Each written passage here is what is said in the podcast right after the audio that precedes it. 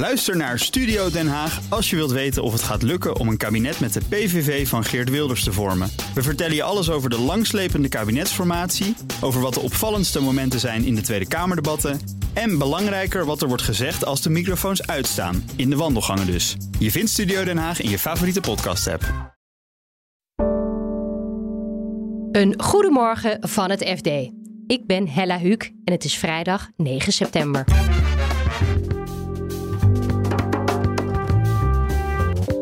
Historische renteverhoging van de Europese Centrale Bank. Er komen 75 basispunten bij. Ze zijn ook nog niet klaar met de renteverhoging, dat hebben ze ook gezegd. Het Verenigd Koninkrijk gaat tussen de 100 en 150 miljard pond uitgeven om de energiecrisis te bestrijden. Dat is echt een kolossaal bedrag. De Europese energieministers zijn in crisisberaad over wat wij gaan doen. Het wordt een flinke kluif om alle neuzen één kant op te krijgen. Zie je wat het gaat kosten in, in het Verenigd Koninkrijk, dan is, dat sla je ook stel van achterover. Dit is de dagkoers van het FD. De ECB heeft de grootste renteverhoging in 20 jaar aangekondigd. Onze ECB-watcher Joost Kuppenveld was erbij in Frankfurt. Joost, ja, dat is misschien een beetje een raar begin, maar eigenlijk is er geen nieuws. Dit was precies wat we hadden verwacht. Nou, dit is wat we de meeste mensen hadden verwacht. De markten hadden zeg maar iets van 66 basispunten eh, ingeprijsd. Nou, dan is dus de vraag, wordt dit dan eens 50-50 of het 50 of 75 wordt? De meeste analisten dachten dat het 75 zou worden en het is uiteindelijk ook, uh, uiteindelijk ook gebeurd. En zoals de ECB zei, vanwege uh, het feit dat uh, ja, de inflatie zo hardnekkig hoog is, dat, dat ze gewoon grote stappen moeten nemen. En zeg maar de renteverhogingen die ze toch al van plan waren, vooruit haalden. Ja, want daarom is het natuurlijk allemaal te doen om die inflatie terug te dringen. En wat denk jij, gaat dat dan ook lukken? Dat is uiteindelijk natuurlijk maar de vraag. Want de ECB heeft daar nog niet zo heel veel ervaring mee gehad in de korte looptijd. De langste tijd hebben ze geprobeerd de inflatie omhoog te krijgen naar de doelstelling. Uh, ze zijn ook nog niet klaar met de renteverhoging, dat hebben ze ook gezegd. Uh, ze verwachten zeker nog uh, nou, drie tot vier keer de rente te zullen verhogen, alvorens dat die op het niveau zal zijn waarop de inflatiedoelstelling weer in zicht komt. Jij was bij die persconferentie. Wat viel je op? Nou, Lagarde waarschuwde nog wel, en het was misschien een beetje verstopt, maar wel dat, dat de overheden moeten oppassen met hoe ze hun stimuleringsprogramma's vanwege die hoge energieprijzen uh, gaan opstellen. Omdat, dat, omdat ze de kans lopen dat de inflatie daardoor nog verder wordt uh, aangewakkerd. Dus dat was eigenlijk de meest opvallende uitspraak wat mij betreft. Hoe reageerden de markten? Nou ja, in, in eerste instantie uh, een beetje van oké, okay, dit wisten we, dus er gebeurde niet zoveel. Later ging het toch wel, zeg maar, de aandelenmarkt naar beneden en de obligatiemarkten ook. En de, euro-dollar ging naar beneden. Nou, de aandelenmarkten hebben zich hersteld. En de rentemarkten uh, die, uh, die, die bleven gewoon wel lager.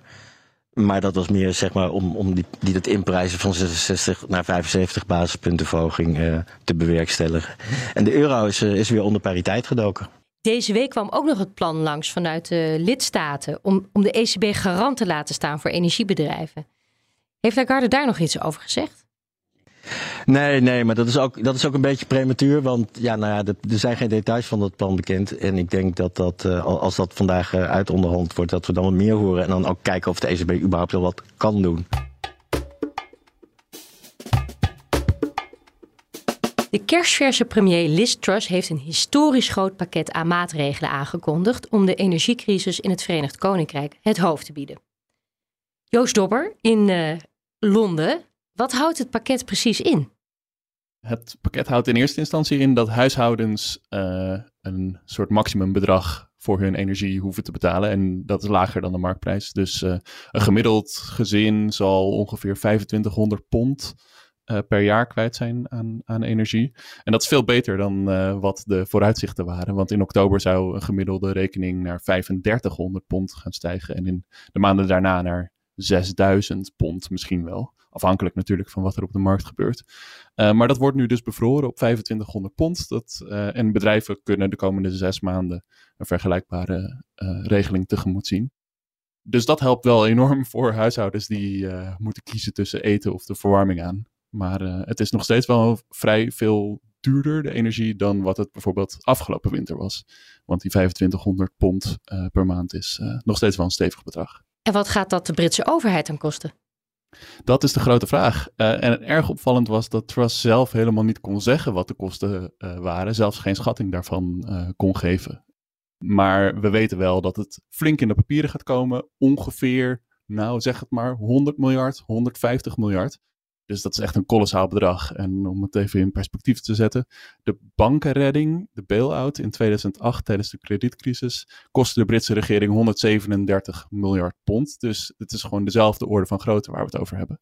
Nou was ze zelf niet zo heel erg keen erop om uh, de Britten te compenseren. Dus daar maakt ze een behoorlijke draai. Hoe reageert iedereen in het Verenigd Koninkrijk? Het bedrijfsleven, politiek, de media op dit pakket?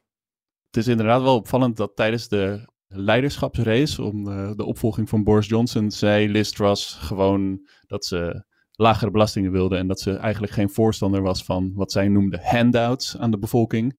Het was een opmerking die waarschijnlijk goed viel bij die achterban, bij de leden van de conservatieve partij. Maar toen eigenlijk al duidelijk dat ze daar dat nooit zou kunnen vasthouden. Want het, daarvoor is het probleem gewoon veel te groot.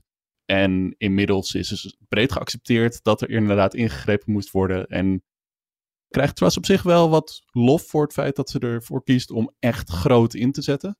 Maar ook wel vrij veel kritiek op het feit dat er allerlei details gewoon nog helemaal niet duidelijk zijn. Uh, zoals, nou, A, de kosten hadden we het net al over. B, wat gebeurt er met de steun aan bedrijven als zometeen die eerste zes maanden voorbij zijn. En C, het andere controversieel punt is, hoe wordt het betaald? Nou, dat gaat volledig door dat de Britse staat het geld gaat lenen. Terwijl Labour had gezegd, maar wacht eens even, al die energiebedrijven die maken enorm veel extra winst. Volgens schattingen van het ministerie van Financiën 170 miljard pond de komende twee jaar. Kunnen we die niet extra belasten en het daar deels mee financieren? Maar daar wil Trust niet aan, want zij heeft campagne gevoerd met lage belastingen en uh, wil dat uh, de, de energiebedrijven gaan investeren in het VK en is bang dat als ze hen extra belasting op gaat leggen, dat ze dan die investeringen niet doen. Groot-Brittannië is natuurlijk ook een verdeeld land. Ik kan me voorstellen dat dat schaliegas ook ontzettend gevoelig ligt. Want net zoals bij ons in Groningen zijn daar ook wel risico's op aardbevingen, toch? Ja, dit is een zeer gevoelig punt en ook wel een erg opvallend punt. Want uh, naast de hulp voor de, uh, met energierekeningen was er nog een tweede aspect aan het plan. En dat is het inzetten op verhoogde energieproductie binnen de eigen landsgrenzen. Dat gaat gebeuren door meer olie- en gasboringen in de Noordzee. Maar ook door boringen naar schaliegas weer toe te gaan staan.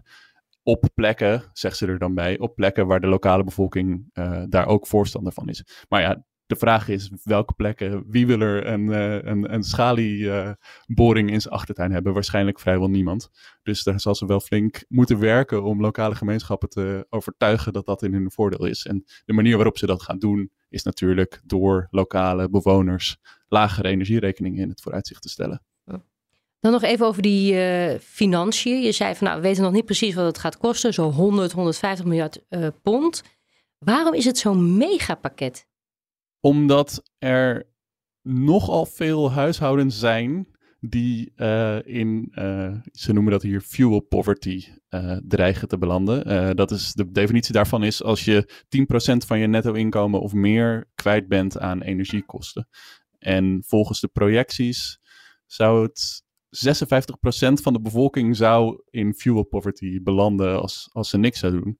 En dat, dat duidt er wel een beetje op dat er gewoon heel erg veel Britten zijn die in werkende armoede zijn, die relatief lage salaris hebben. En de, sowieso de Britse verzorgingsstaat is, vergeleken met die in Nederland, niet zo heel erg royaal.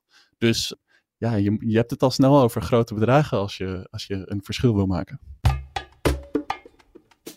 Europese energieministers komen vandaag bijeen in Brussel voor een spoedberaad over de energiecrisis. De afgelopen week lekte er al allerlei plannetjes uit, waaronder een garantstelling van de Europese Centrale Bank. En woensdag kwam er een officiële verklaring van de Europese Commissie, vertelt onze correspondent Matthijs Schiffers. En daarin stond eigenlijk een, een, zeg maar een van hoe ze de problemen gaan aan, uh, willen gaan aanpakken als het in Brussel ligt. Um, daar staat in een prijsplafond op Russisch gas. Er staat ook in een prijsplafond voor uh, renewables die nu profiteren omdat ze een gasprijs krijgen voor een product, terwijl ze hun kosten veel, vele malen lager liggen. Um, er komt ook liquiditeitssteun voor partijen die in energie handelen, uh, die nu torenhoge onderpanden moeten uh, afgeven voor een, de posities die ze innemen. Er komt ook een besparingsdoel voor stroom. Um, bedoeling dat um, mensen, maar ook bedrijven, minder stroom gaan gebruiken. En vooral in de piekuren. Ja, dat zijn een hele hoop instrumenten, dus van de ECB om hulp vragen tot besparen. Op welke maatregel is nou de meeste hoop gevestigd? Nou, er zijn er twee maatregelen die eruit springen waar wel iedereen het een beetje over eens lijkt te zijn. En dat is aan de ene kant de liquiditeitssteun voor die energiehandelaren. Alleen de rol van de ECB, die is inderdaad te sprake gekomen deze week. Maar daar is dan weer weinig steun voor. De commissie ziet dat bijvoorbeeld helemaal niet zitten, de Europese Commissie. Nederland is daar ook uh, niet zo'n voorstander van. Maar er zijn blijkbaar toch ook wel wat lidstaten die wel aan een rol voor de ECB denken. Als, als een soort van lender of, uh, of last resort en een, ultieme redder voor deze energiehandelaren. Maar goed, dat ijs nog niet uh, gelegd. Um, een andere maatregel die veel steun geniet is toch wel die, die, die price cap, zeg maar, voor um, opwerk, stroomopwek methodes die anders zijn dan, uh, dan gas. Dus de, de renewables, de zonne-energie, de windenergie, maar ook de kolen en de kerncentrales. Die profiteren nu dus van die hele hoge prijzen die uh, door, door gas uh, worden veroorzaakt, terwijl hun productiekosten vele malen lager liggen. Die winsten afromen en op enige wijze teruggeven aan burgers en bedrijven, dat heeft ook veel steun. Waarom bracht van der Leyen, denk je, op woensdag al van alles naar buiten? Wat zegt dat over haar leiderschap?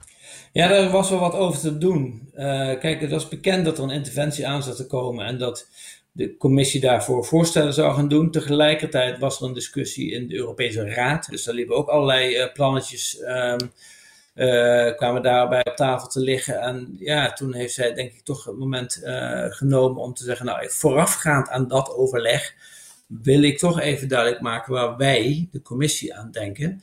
En wij komen dan volgende week met een definitief voorstel, maar dan kunnen jullie daar alvast over praten. Toch uh, waar, was menigeen wel verrast, ook vooral door de timing van de presentatie, want het was eigenlijk midden in een overleg uh, van, ja, dat heet dan Coroper, dat zijn zeg maar de, de, de ambassadeurs van de lidstaten die dan zo'n vergadering voorbereiden, die waren hierover aan het spreken. En tijdens dat overleg begint uh, van der Leyen opeens te praten met, met, uh, met, met dit pakket. Dus dat leidde toch wel uh, tot, tot de nodige consternatie. Maar ik denk dat ze gewoon heeft besloten dat het handig kan zijn als de denkrichting van de commissie in ieder geval al bekend is voordat die energieministers bijeenkomen. Nou is net in het Verenigd Koninkrijk bekend geworden dat ze de energierekening van huishoudens tot een maximum beperken komende twee jaar. Nou, die zitten natuurlijk niet meer in de EU. Hoe groot acht jij de kans dat we zoiets EU-breed kunnen beslissen? Ja, lijkt me heel lastig. Want uh, als ik zie wat er gaat kosten in, in het Verenigd Koninkrijk, dan daar sla je ook stel van achterover. En het is zeker niet zo dat um, ieder land in Europa dat ook even makkelijk kan doen. Bovendien is het ook wat last, uh, lastig om dat Europees te doen. Misschien omdat het ene land uh, de problemen wat groter zijn dan in het andere land. en dan moet je ook een heel ander financieringsinstrument gaan optuigen daarvoor, denk ik. Dus ik zie dat nog niet zo snel gebeuren, nee. -hmm. En denk je dat het nachtwerk gaat worden en dat er inderdaad dan grote besluiten genomen gaan worden? De, de, de, pers, de slotpersconferentie staat gepland voor half drie smiddags. Maar dat is natuurlijk allemaal onder voorbehoud. Dus ik ben inderdaad heel benieuwd uh, hoe laat dat gaat worden. Um, officieel is het een, een, informele bijeenkomst, zoals dat heet. Maar dat is dan weer een Brusselse uh, manier om aan te geven dat er dus geen officieel besluit genomen gaat worden. Maar de input die uh, daaruit voortvloeit, die zal de commissie meenemen. Dan komt er volgende week een definitief voorstel en dan zullen de lidstaten daarover moeten gaan soebatten.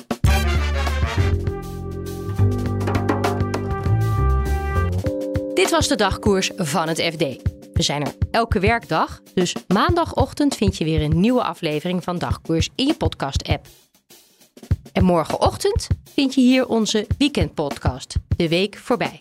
En die hebben ook nog een oproepje Binnenkort maken ze namelijk een aflevering over de naderende recessie. Als jij nou vragen hebt daarover, dan kan je die insturen via de mail naar podcast.fd.nl. Daar kan je ook reageren op dagkoers. Voor nu een heel fijn weekend en graag tot maandag.